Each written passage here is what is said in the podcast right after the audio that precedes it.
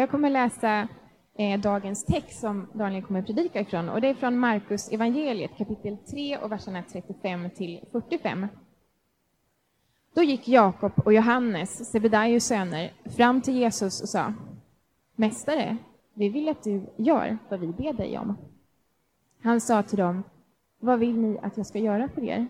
Och de svarade Jag låt den ena av oss få sitta på din högra sida i din härlighet och den andra på din vänstra. Jesus sa till dem Ni vet inte vad ni ber om. Kan ni dricka den kalk som jag dricker eller döpas med det dop som jag kommer att döpas med? De svarade, det kan vi. Jesus sa till dem, den kalk som jag dricker ska ni dricka, och med det dop som jag blir döpt ska ni döpas. Men platsen på min högra sida och platsen på min vänstra sida, det är inte min sak att ge bort. De platserna ska tillfalla dem som de är beredda för. Och när de tio andra hörde detta, då blev de uppretade på Jakob och Johannes. Då kallade Jesus dem till sig och sa, ni vet att de som anses vara folkets ledare uppträder som herrar över dem och folkens stormän härskar över dem. Men så är det inte hos er. Utan den som vill vara störst bland er ska vara de andras tjänare. Och den som vill vara främst bland er ska vara allas slav. För Människosonen har inte kommit för att bli betjänad, utan för att tjäna och ge sitt liv till lösen för många. Det här är Guds ord till oss idag. Jag tycker det här är lite... Det är svårt att inte dra på munnen när man läser det här bibelstycket. Och varför drar jag på munnen? Jo, därför att jag känner igen mig. De var ju precis som du och jag.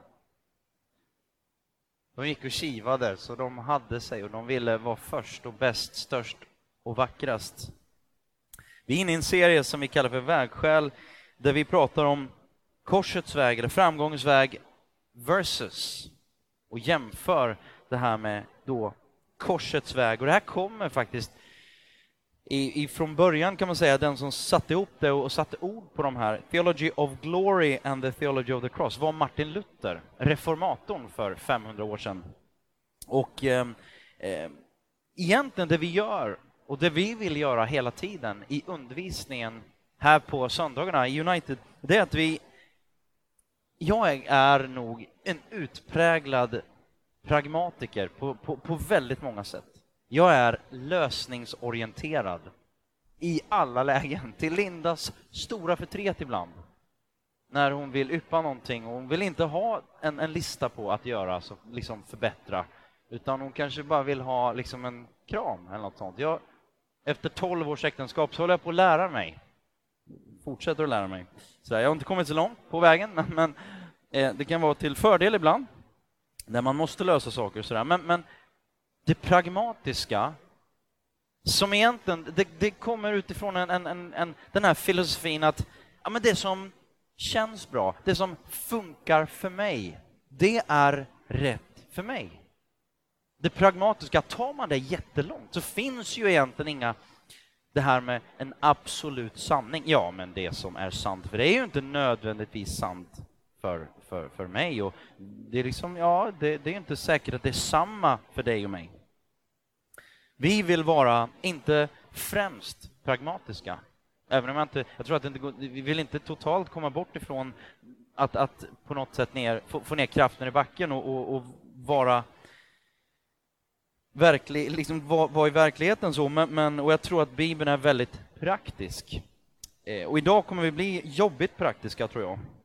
Och eh, vi vill dock främst utgå ifrån det teologiska, alltså läran om Gud, läran som, som, som Gud själv har gett oss, läran om sig själv. Vem är han? Det kanske är så att ibland när vi säger min Gud, han är min sann, och så säger vi någonting, eller vi tänker någonting, det är inte säkert att vi har den fulla, vad ska vi säga, bilden och den, den vi har alla de färgerna som, som behövs. Jag tänker på, på lärjungarna som, som Linda läste här i texten. De hade umgåtts med Jesus i över tre år. Det här var bara någon, vecka innan de var på väg mot Jerusalem och, och, Jesus visste vad som skulle hända. Han hade berättat för dem vad som skulle hända. Jag kommer till det. Han hade berättat för dem att Människosonen måste dö. Bara verserna innan det här. Människosonen måste dö. Människosonen kommer göra det här, det här, det här. Det är ett offer. Det, det, det är ingen fantastisk, inget fantastiskt segertåg vi är på väg in i. Men de gick fortfarande bara, han ska bli kung, han ska avsätta Caesar där, ta över kejsarplatsen och bli, han ska bli den stora kungen i våra ögon och guess what? Jag ska sitta på den högra sidan och brorsan ska sitta på den vänstra sidan. Vi vill vara mer teologiska. Det pragmatiska säger bara vad som funkar, det är det som vi kör på. Det är det som skapar resultat, det är det vi kör på. Det teologiska är väl egentligen mer vad, vad är det Gud säger om sig själv och så vidare. Och i det här och den här, de här vägen, vägskälen, där vi måste välja. Du och jag kommer tvingas välja. Ibland så försätts vi i situationer som vi själva inte råder över, men som kan vara extremt smärtsamma. Och det där kan lära oss väldigt mycket. För ett antal år sedan, och det här har jag berättat vid något tillfälle, kanske någon har hört det, de som känner mig naturligtvis vet ju om det här, men, men för ett antal år sedan så fick min pappa, han fick diagnosen cancer. Det, det började med eh, att, att han eh, hade buksmärtor och han sökte ju liksom inte i första hand upp läkaren, utan det var när han inte längre kunde ligga ner då kom han på, och sova då på nätterna, så kom han på att till slut, så, om man satt lite upp i sängen, så då kunde han sova, för han hade så ont. Och till slut så, nej, men det gick inte, och så stönade han en del, så han flyttade ner till nedervåningen då, för han störde ju min mor, tänkte han ju då. Så han gick och satte sig i en fåtölj och där kunde han sova några dagar till tills han inte kunde sova mer. Och eh, då körde min mamma in honom till sjukhuset och sa nu åker du in. Så att, eh, och på något sätt så vill han, han bara, han visste någonstans i bakhuvudet att nu är det, nu är, nu, nu är det något jobbigt på gång. Han bara kände på sig det och ville bara, han, han ville bara mota det. Och jag tror att väldigt många av oss är sådana, vi motar bort det, allt som är jobbigt. Allt som är tufft, allt som är svårt, vi vill inte ha det. Det är klart att ingen med sitt liksom, sunda förnuft går och söker upp det som är tufft, jobbigt och, och liksom, förutom de som gillar att bestiga berg och, och liksom cykla Vättern runt. Och sånt. Men, men en kollega, så vi får se eh, om han kan gå imorgon på jobbet. Eh. Men i alla fall så, det slutade med, eller slutade med, det, det han inledde där då, min far, en, en fyraårsperiod in och ut ur sjukhus. Han eh, tog cellgifter och, och liksom, det gick ganska så bra. I början så var det en stor chock för familjen. Vi stod varandra ganska nära på det sättet och, och relationer. Eh, men det blev, det blev en, en chock för familjen naturligtvis. Eh, men vart, vart, vart efter tiden gick så där, så man vande sig vid det där och där han var in och ut ur sjukhuset, det var liksom, ja men det, någonstans så bara, ja men det ska nog gå bra det här. Och så efter fyra år så ehm, helt plötsligt så, så ja, det bara kort och gott den här cancern då exploderade i hans kropp och, och eh, han kunde inte hantera det. Då gav de honom ett ultimatum att antingen gör vi ingenting eh, och, och, då, då har du ungefär tre månader eller så får du den här behandlingen och den är så pass tuff så att du kan stryka med. Eh, det är ganska, det är 50-50 om du överlever liksom, själva behandlingen. Long story kort, han sa det är klart vi kör på behandlingen sådär. Och mitt i den här behandlingen, för det gick, det gick lite snett i behandlingen, så att han, han var extremt nära på att stryka med. Eh, faktum är att vid ett tillfälle så fick han 24 timmar kvar att leva av läkarna. Och jag ska inte gå in på detaljerna kring det, men jag kommer ihåg ett tillfälle, för jag bodde i London, mamma ringer, hon snyftar i telefon och säger du måste komma hem nu. Pappa har fått 24 timmar att leva och det är sån där telefonsamtal som du aldrig trodde att du skulle få. Jag studsar hem och åker så fort jag bara kan hem och kommer till sjukhuset i Motala, för han var så dålig så han, de hade inte kunnat flytta honom, annars låg han i Linköping. Men kommer in där och, och ser pappa där med slangar och allting. Och så sitter vi där tillsammans, jag och min mor, mina systrar var inte där just då. Eh, vi sitter och pratar och, och det är ganska så dämpad stämning för att, för att tala milt. Liksom, så Det är inte så här jättekäck stämning. Vi sitter där och, och, dagarna går, han överlever det här då eh, på något ja, väldigt billigt, eller konkret, mirakulöst sätt. Gud är med och, och jag ska inte dra den långa storyn. Jag, är nästan på väg att göra det. Men, men mitt i allt det där så, så vid något tillfälle hade väldigt mycket morfin och, och, och smärtstillande och sådär. Men mitt i allt det där så får vi lite kontakt och då säger jag till pappa kom igen nu. För jag hade liksom, hela tiden så var det så här, men det här klarar du, kom igen nu, var stark nu. Du behöver vara stark nu. Och, och um, han, han, klagade aldrig överhuvudtaget över smärta eller någonting, det bara märktes. Och, och, men mitt, mitt där, helt plötsligt så säger han någonting som jag aldrig trodde, det var, det var liksom inte, det var inte normala för min norrländske far att säga så. Helt plötsligt så bara tittar han på mig och säger så här, nej, nu är jag inte stark längre. Nu kommer jag, nu kommer jag inte vara stark längre. Och då, då, går, då, då, då bara går paniken genom mitt huvud och bara, vad, har du gett upp? Vad, vad, vad, vad, har du gett upp? Vad, vad, vad sysslar du med? Och så bara tittar han på mig och så säger han så här. Nu Daniel, är det inte längre jag, jag orkar inte mer. Nu är det inte längre jag som ska vara stark, utan är, nu är det han som måste vara stark för mig alltså långt efter det, han överlevde på ett mirakulöst sätt och, och efter de där stunderna och allt det där, den smärtan. Idag skulle han säga så här, ja, han har sagt konkret ordagrant, jag önskar, jag skulle aldrig önska min ens, ens min absolut värsta fiende, det jag gick igenom de åren, med all den smärtan. Han, han har haft njursten, han, han sa att det, det är liksom, det är som godis jämfört med liksom det jag gick igenom. Och, men ändå, trots all den smärta, trots allt det eländet som det innebar för hans familj och det var väl en av hans största liksom, jobbigheter, det var att han själv var till grund för sorg och smärta för sin familj. Men mitt i allt det där så säger han bara, jag önskar inte min värsta fiende detta, men samtidigt så jag, jag skulle aldrig vilja ha det ogjort.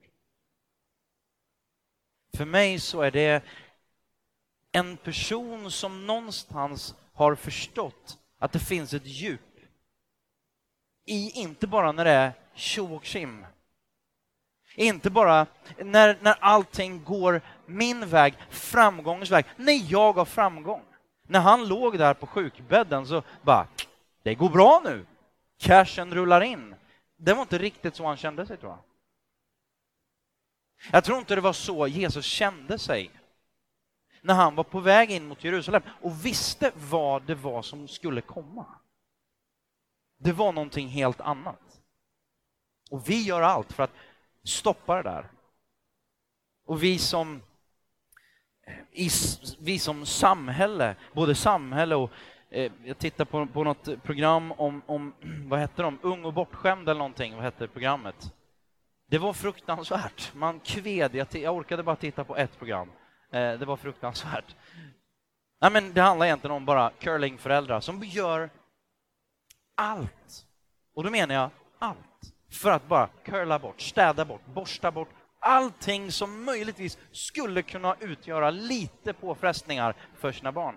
Jag städar, jag borstar dina tänder, jag borstar dig i rumpan, jag tvättar i rumpan, jag gör allting. De flyttade hemifrån, då köpte de huset, de behövde inte, eller lägenheten, de behövde inte jobba för det någonting. De kom till, en, till och med flera föräldrar varje morgon hem till sina barn och lagade frukost. Tvättade deras, liksom, bäddade deras sängar. Man bara, hallå? Det blir ju inte särskilt bra. Det kan man räkna ut utan att vara liksom, teolog. Det kan man räkna ut på... Liksom, det är inte särskilt smart att, att gå till gymmet utan att sätta på några vikter. Det är ju först då du, du liksom lär musklerna att det är motstånd som, som det är något positivt, det är något bra. Det är väldigt svårt att leva annars. Men för oss, framgångens väg den ligger extremt nära våra, vårt mänskliga lynne och bara vi, vi ja, men det saker och ting ska vara lätt, det ska vara enkelt och allting vi gör vi, gör, vi tar våra beslut utifrån vad tjänar jag på? Come on somebody, eller hur? Vad tjänar, alltså allting jag gör, what's in it for me? Allting, varenda, liksom, varenda beslut egentligen som vi tar. Vad, hur kan jag tjäna på det här? Det är väldigt mycket som, som handlar om det här.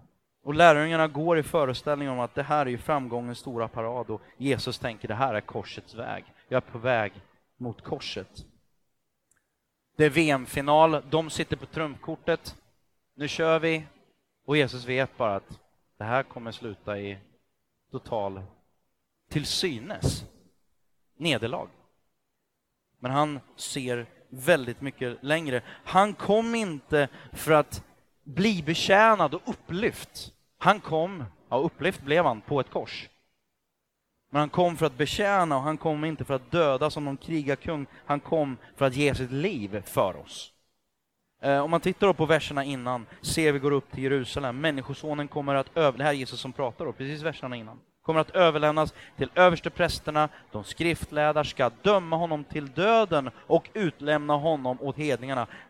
De ska håna honom, spotta på honom, gissla och döda honom. Vad är det som är otydligt? Bara, eh, vill inte höra. Vi gör så. Jag vill inte höra. Det är jobbigt, det är tufft. Jag tror att det är precis det som vi behöver höra. Det stod en, en eh, la ut den igår, en, en, en, länk till en eh, artikel i Aftonbladet. Sluta behandla era ungar som kungar. Det kan vara värt att läsa den. den var, ja. Jakob och Johannes istället, de kallas för Oskans söner. Eh, och, och, de är ute på sin predikoturné och har sig och, och, liksom, och tycker inte, ja, men vi blir inte, vi blir inte mottagna på det sättet som vi förtjänar. Vi har verkligen jobbat för det här. Ska vi nedkalla åska? Ska vi nedkalla eld över dem? Så där, det var bara några, några eh, verser senare efter att det som Viktor eh, predikade om förra veckan, det här när Jesus försö äh, Petrus försöker att tillrättavisa Jesus och säga nej men visst, du ska inte dö, det är ju jättejobbigt, du, du, det går ju bra nu, inte ska du dö, utan det finns ju en eh, jättefin plan för dig här, vi bara kör på. Och så får han Bibelns absolut tydligaste och starkaste tillrättavisningen, äh, tillrättavisning. Tyst med dig Satan. Det, det, det är ganska tydligt sådär. Um, men vad kan vi lära oss av det här? Två tydliga förhållningssätt som jag vill spela ut då. Det första är frågetecken eller utropstecken. Det första är ett utropstecken. Ge oss vad vi ber dig om. Versus vad vill ni att jag ska göra för er? Markus då 10, 35-36. Då gick Jakob och Johannes, Sebedeus söner, fram till Jesus och sa Mästare, vi vill att du ger oss vad vi ber dig om. Han sa till dem, vad vill ni att jag ska göra för er? De säger så här, ge oss en check en blanco. En blankocheck. Bara skriv under det här, vi kommer senare fylla i beloppet. Och Jesus säger bara, vad kan jag göra för er? Vad är den stora skillnaden? Ehm, och det är här det blir väldigt praktiskt för dig och mig. Hur ofta ställer vi den här typen av, av frågor? Hur ofta vaknar vi upp med frågan, vad kan jag tjäna på det här? Hur kan jag tjäna maximum idag? På mina beslut. Vilka beslut ska jag ta så jag tjänar så mycket som möjligt på det? Eller vaknar upp oftare och säger, vilka kan jag ge till idag? Vilka kan jag betjäna idag? Två väldigt olika förhållningssätt. En, en syndabekännelse som eh, jag hörde talas om som bygger just på, på det här då, bibelordet. Jag har inte skrivit den själv, översatt den, eh, eller fått den översatt här då till svenska, på engelska från början. Den lyder så här. Herre, förbarma dig, för jag är precis som Jakob och Johannes. Herre, jag bedömer andra människor utifrån vad de kan göra för mig hur de kan främja min agenda, mata mitt ego, tillfredsställa mina behov och ge mig strategiska fördelar. Jag utnyttjar människor till synes för din skull, men egentligen bara för min egen. Herre, jag vänder mig till dig för att få bästa position och speciella favörer, din välsignelse över min böjelse, dina resurser för mina projekt och att du sanktionerar vad jag planerar. Din blankocheck för vad helst jag vill. Herre, förbarma dig, för jag är precis som Jakob och Johannes. Väldigt mycket av det här kan jag säga, that's me. Jag kanske till och med till mångt och mycket lever mitt liv på det sättet. Framgångens väg, det är inte det att Bibeln är emot vad, vad vi nu skulle kalla för framgång, utan prat, fundera egentligen på, det är motivet som är frågetecknet. Framgångens väg handlar alltid om vad vi kan kräva och vad vi vill ha. Korsets väg handlar mycket mer om och handlar alltid om vad vi kan ge. Framgångens paradigm, alltså tankemönster och utgångspunkt och rot. Framgångens, det handlar om att se till sitt eget bästa. Medan korsets paradigm och tankemönster handlar ju om att se till andras bästa. Och då tänker du så här, amen, om vi verkligen ska gå på det här, vad vill ni att jag ska göra för er? Om jag hela tiden lever på det sättet, då räknar man ju snabbt ut, ja men det här kommer ju inte jag, det här kommer jag inte alltid tjäna på. Det här kommer ju andra att tjäna på och faktum är att folk kan ju utnyttja mig. Och då svarar jag, de inte bara kan det, utan de kommer göra det. Det gjorde de med Jesus. Och då tänker man så här, men det är ju inte särskilt strategiskt smart på det sättet. Nej, men, och det är här vi ska bryta lite med, jag hoppas att det provocerar dig en del. Så att du börjar liksom tänka och, och, och, och ja, men ser och vågar se saker från ett annat håll. Det är klart att det här låter ju helt tokigt. Och Bibeln säger att korset, det är en dårskap. För det är upp och nervänt. Det står ge och du ska få, inte samla och du ska få med.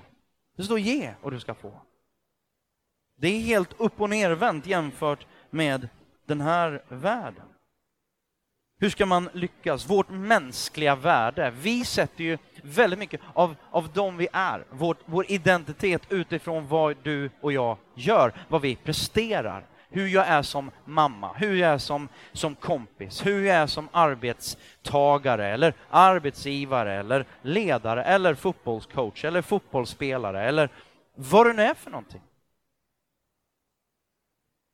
Så som jag presterar, det är så sådan som jag är. Vad handlar det om? Jo, duktig, stark, bra. Ja, det går bra med mina projekt vare sig mitt projekt är att bygga den perfekta familjen, det perfekta huset eller den perfekta karriären, eller för all del kanske alla tre. Det är det som definierar om du och jag lyckas eller inte. Det är det som definierar vilka vi är. Men om vi bara för en sekund ponerar och, och Eh, nästan, eftersom det här är svårt att ta till, i alla fall för mig, när jag sitter och förbereder det här så bara, det här tar emot. Eh, man har så lång, lång väg kvar på något sätt. Och jag kommer också till det, men det är lite av poängen att bara så här, det här är omöjligt. Ja, det är omöjligt. I oss själva. Men vi kommer till det. Men låt oss ponera, låt oss tänka tanken att detta faktiskt är sanningen. Tänk om vi skulle våga tänka tanken fullt ut, att Jesus faktiskt är den han säger att han är.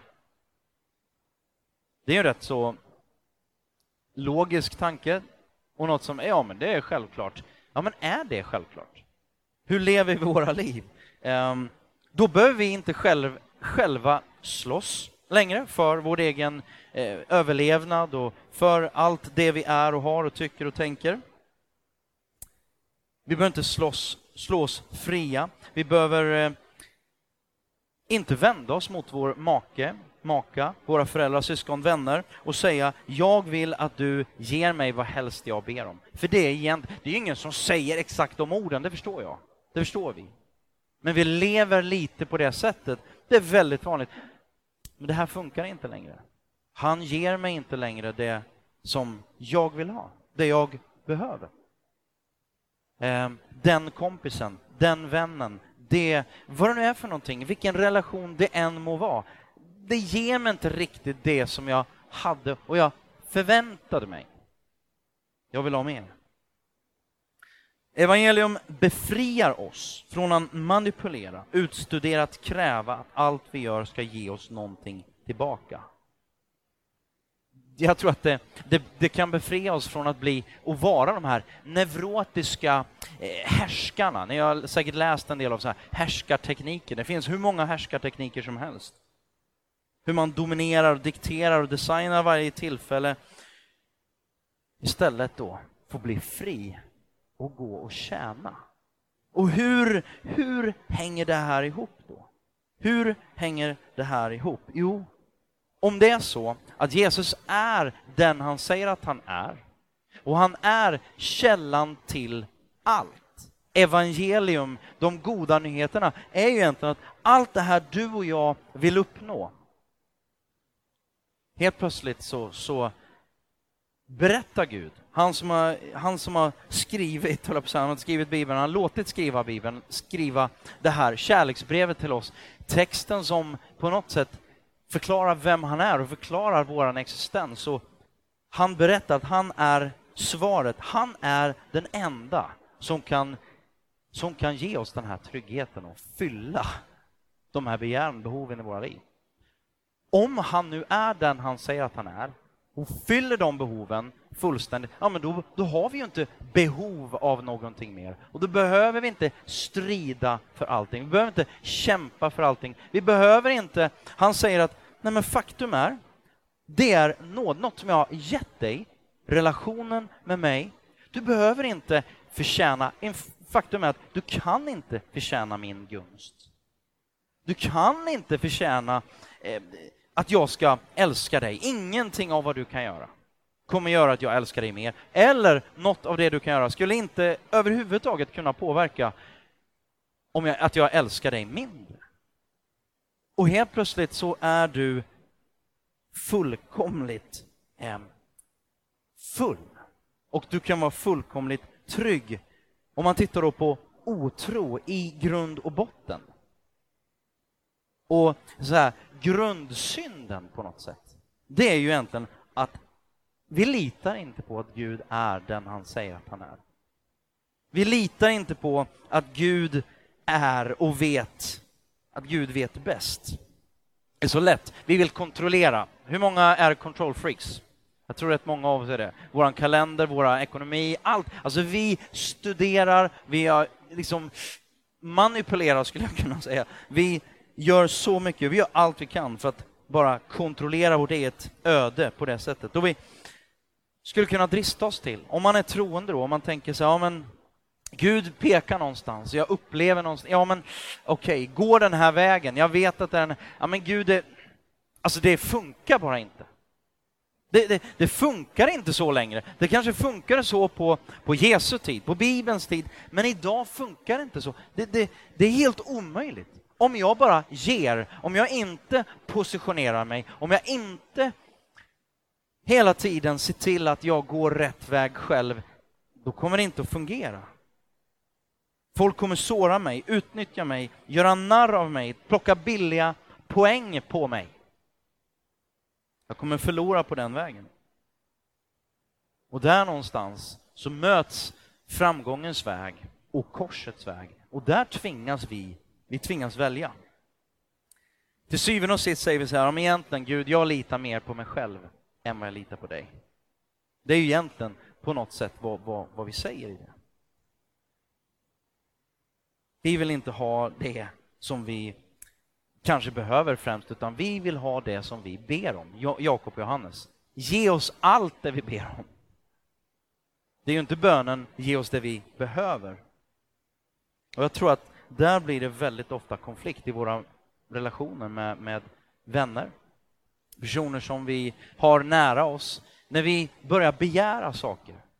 Du måste fylla du måste fylla mina behov. Du måste vara den där BFF, kompisen, vännen. Du måste göra de där sakerna, du måste lyssna på mig. Du måste dittan och dattan. Och när du inte längre är, det börjar, ja men det är lite spänt med den där, med den och den kompisen. Jag struntar, jag hör inte av mig. Det är bara, det är bara jobbigt, det blir bara spänt. Och så börjar vi sätta krav på i våra relationer där allting handlar om vad jag kan få snarare om, äh, än vad jag kan ge. Jag tror att där så pajar väldigt många relationer. Jag tror flera av er tänker liksom så här, vi har hört John F Kennedy säga de här orden, kanske inte hört honom säga dem, men, eh, även om man kan göra det, men, men de här beryktade och berömda, berömda orden som han sa då i, i, i, när han instiftade, säger man, och inauguration, alltså instiftade som president, så säger han så här, ask not what your country can do for you, but ask what you can do for your country. Det är så här med sann amerikansk pompa och ståt. Um, och någonstans i min värld så klingar det där ändå frihet. För mig så klingar det, det klingar evangelium, att ställa den typen av fråga, snarare vad kan jag ge istället för vad kan jag få? Men det klingar ganska illa i en kontext och en kultur där, där man ska stå på barrikaderna. Och, och nu, nu går jag liksom... Jag vill inte gå emot vare sig yttrandefrihet eller något sånt, men, men liksom, vad är det som driver oss? Vad är det som driver oss? Det är egentligen det som är, är frågan då, det här med att strida för sin ståndpunkt. Kräva sin rätt och kräva sitt utrymme som man, eller som kvinna, som svensk, eller som invandrare, som landsortsbo eller stadsbo, som kristen eller muslim, som heterosexuell eller homosexuell, som sjuksköterska eller tågpersonal. Om mitt mål är att jag ska hävda min rätt, du har rätt, jag ska stå på barrikaderna och jag ska hävda min rätt till varje pris. Då är bara frågan, vad är motivet? Är motivet för vad jag kan ge. Jag vill stå på barrikaderna mot trafficking. Det gör jag inte för mig själv, jag gör det för någon annan. Vad kan jag ge? Är du med? Vi pratar inte om att bara lägga oss som en stor fet dörrmatta bara för allting och alla hemskheter som sker. Det är inte det jag pratar om. Men varför gör vi det vi gör? Aha. Det är väldigt ofta, tror jag, som vår drivkraft kanske inte är så vacker som vi låtsas, eller som vi försöker intala oss själva. Det här, låt mig lite grann summera framgångens teologi, eller framgångens väg. Ehm, jag är rädd, nu tar jag lite svenska och engelska, hoppas ni är okej okay med det. Jag är rädd för att bli en nobody. Så jag utnyttjar, manipulerar och dominerar everybody i mina desperata försök att bli somebody. För om inte jag står upp för mig själv, vem kommer då stå upp för mig? Då kommer alla glömma mig, se över mig, trampa över mig. Istället så blir alla brickor i mitt spel, där jag vill styra, kontrollera, designa, kanske subtilt eller väldigt tydligt, i mitt desperata behov att bli somebody. Men om du vilar i tro på att Gud faktiskt är den han säger att han är och han har dig i sin hand, då blir du fri att säga jag är älskad och accepterad av the somebody, the guy. Så att jag är fri att vara en nobody och istället tjäna och hjälpa everybody. Vilken av de här skulle du vilja bo granne med? Jag tycker det är ganska lätt att välja. Men det är ju sådär, alltså från första början, från dagen vi föds. Bebis kommer ut skrikandes och föräldrarnas uppgift blir att lära sig, vad är det som får tyst på det här skriket? Är det mat? Är det liksom, ja, vad det nu är för någonting? Skämt åsido. Men grejen är att det där fortsätter, det bara blir lite mer och lite mer och lite mer sofistikerat ju längre åren går. Man vet vilka knappar, alltså det är spännande med bebisar, de vet ju Alltså innan de kan prata, innan, liksom, de vet vilka knappar de ska trycka på så att de får vad de vill. Intressant. Det där är vi bra på. Vilka knappar ska vi trycka på? Hur ska vi, hur ska vi linda någon runt våra lillfinger?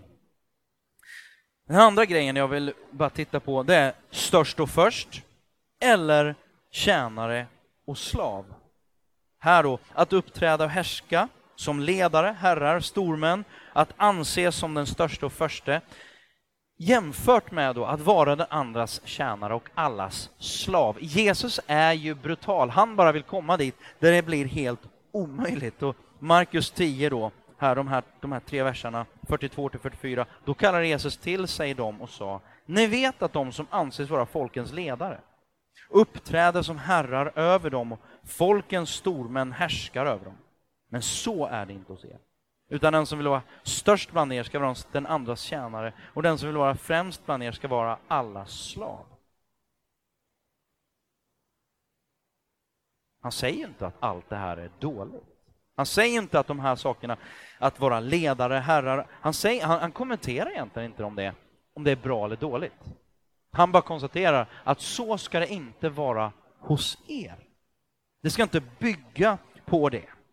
Och jag tänker i våra, i våra Instagram, eh, liksom, samhälle, där allting handlar om att, ja, mer eller mindre allting, nej men väldigt mycket handlar om att ge ett sken av någonting, att, att måla en bild, vilket attraktivt liv jag lever. Och, och hur många har den här veckan varit inne på sin egen profil och kollat hur många likes har jag fått på den eller den bilden?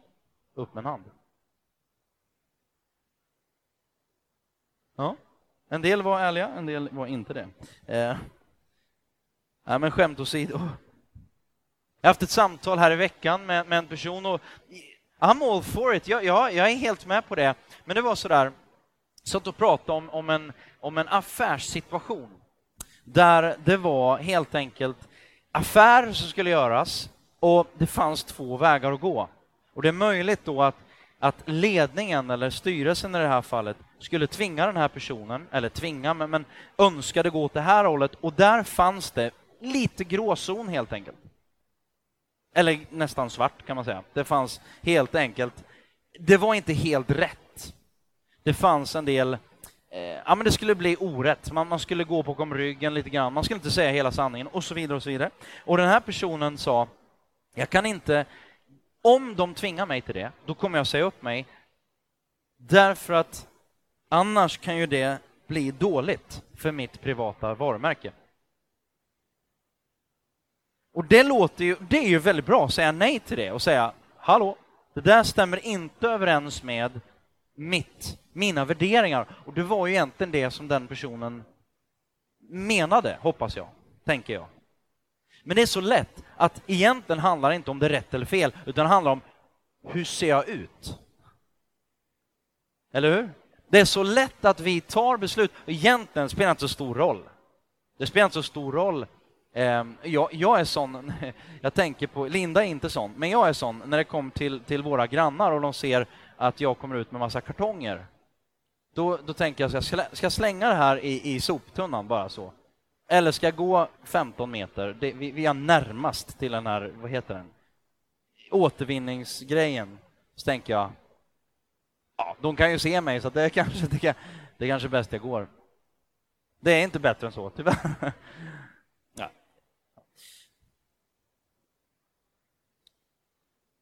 För det mesta verkar lärjungarna vara ganska upptagna med att berätta och, och, och fundera på och diskutera vem som var bäst, störst och vackrast. Jag tror att vi är väldigt mycket sådana. Vårt personliga varumärke, hur ser vi ut? Allt det här, det betyder så, så jättemycket. Men Jesus säger, så är det inte hos er. Låt det inte vara så. Låt inte det vara det absolut viktigaste. Vi är dem som frivilligt borde vara de som frivilligt ställer oss nederst, längst bak i kön, villigt och glatt blir andras tjänare. Och Jesus tar det så långt. Han stannar ju inte bara vid tjänande, för det kan vi köpa, men han går det ännu längre och säger vi är, eller vi ska vara andras slavar. Brutalt.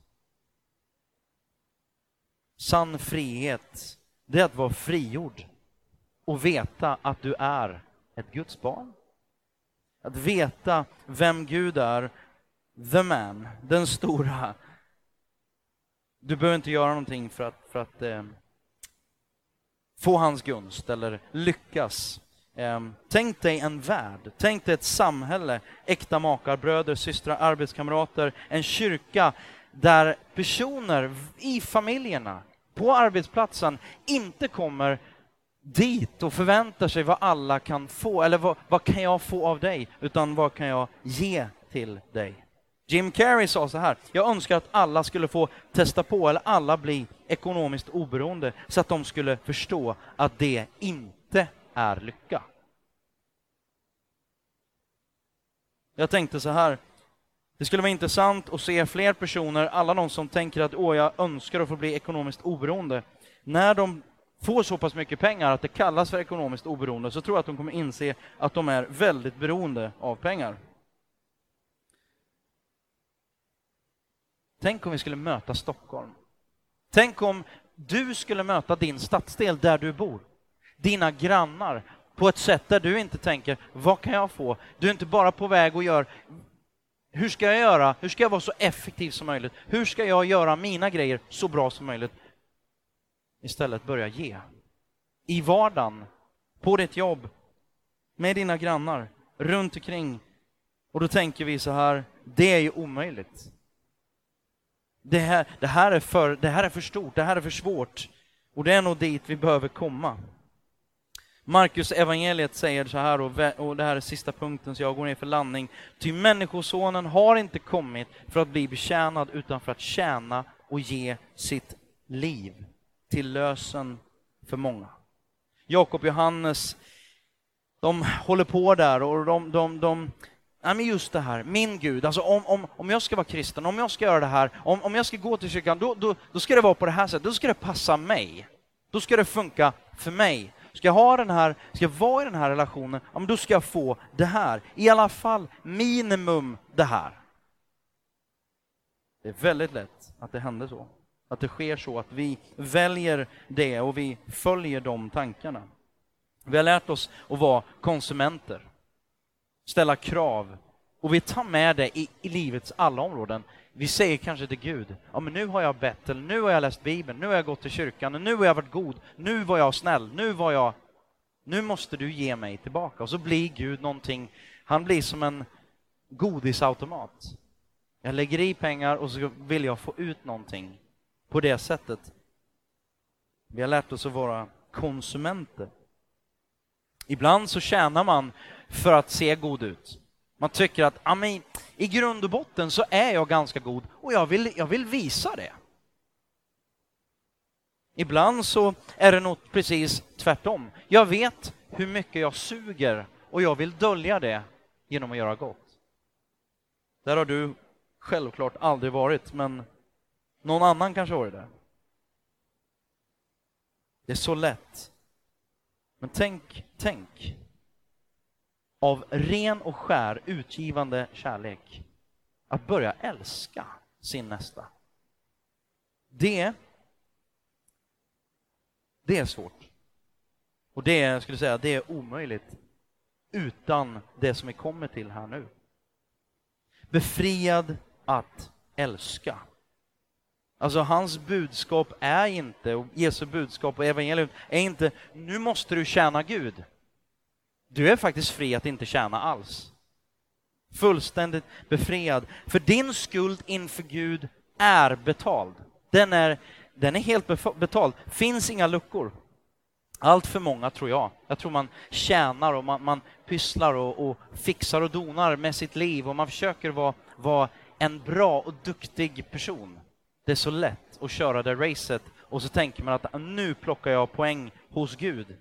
Men om man lägger bort allt det där och bara vet, jag är fullständigt accepterad av Gud. Faktum är att inget jag gör, inga goda gärningar, inga dåliga gärningar, ingenting jag gör kan påverka det. Men istället, utifrån den friheten, så kan jag börja ställa frågan, vad kan jag göra för mina medmänniskor? Och sanningen är, om man leker lite med ord, vi säger ju Guds tjänst, det är klart vi ska tjäna Gud på det sättet. Men, men jag skulle nästan säga så här, det, det blir ju indirekt, för, för sanningen är att Gud behöver inte dina och mina gärningar. Men din granne behöver dina gärningar. Eller hur? Så egentligen tjänar vi ju inte Gud på det sättet, utan vi tjänar människor. Och på det sättet tjänar vi indirekt Gud. Våra motiv. Jag tänker att när vi inser att det Jesus sa på korset, det är fullbordat, det är klart, priset är betalt. finns inget du kan eller behöver göra för att lägga på plusmeny. finns ingenting. Då tänker jag att vi får ordentlig sprängkraft i att börja tjäna våran omvärld. Då blir vi lösta. Då blir vi frigjorda. Han har betalt och därför kan vi vara fullständigt fria. Istället för att kräva någonting från min nästa så tänker jag, vad kan jag göra för min nästa? Man går tillbaka till, till det där, jag är rädd för att bli en nobody. Så jag utnyttjar, manipulerar, dominerar everybody i mina desperata försök att bli somebody. Istället, jag är älskad och accepterad av somebody. Och inte bara somebody, utan av Gud. Så är jag fri att vara en nobody. Och istället kan jag tjäna och hjälpa everybody. Sen är ju sanningen den att alla kan inte göra, eller en kan inte göra allt. Ingen kan göra allt, men alla kan göra något. Och alla kan tjäna en. Det blir min utmaning som avslutning idag. Vem ska du tjäna? Vem ska du... Det kanske är någon person där som du bara känner dig frustrerad över eller börja tjäna. Jesus säger sådana här jobbiga saker som älska era fiender. Det är ju enkelt att älska sina vänner. Det är ju inte svårt. Det gör ju vem som helst. Men att börja älska sina fiender, den här personen som du stör dig på på kontoret, något hejdlöst. Bjud den på lunch. Börja tjäna. Börja älska. Börja göra någonting för den personen. Inte för att du ska se bra ut, inte för att du behöver tjäna några poäng gentemot Gud. Om du sitter där och, och eh, jag vet inte om jag, jag tror överhuvudtaget på, på vad Bibeln säger. Det må vara sant, eller det må vara din upplevelse eller din tanke. Men börja, tänk tanken, våga tänk tanken. Jag vill utmana dig att ponera, tänk om Jesus är den han säger att han är. Och om det här är sant, att han är Guds son, att han har betalt priset och att du inte kan göra någonting, jag menar pengar, inte pengar, karriär, inte karriär, eh, flashig, inte flashig, det är ganska, det spelar väldigt liten roll. Spelar ingen roll. Men att börja istället då leva ett liv där man ger. Fritt och förintet. Man börjar tjäna och ställa frågan vad kan jag göra för dig istället för hur kan jag tjäna på dig?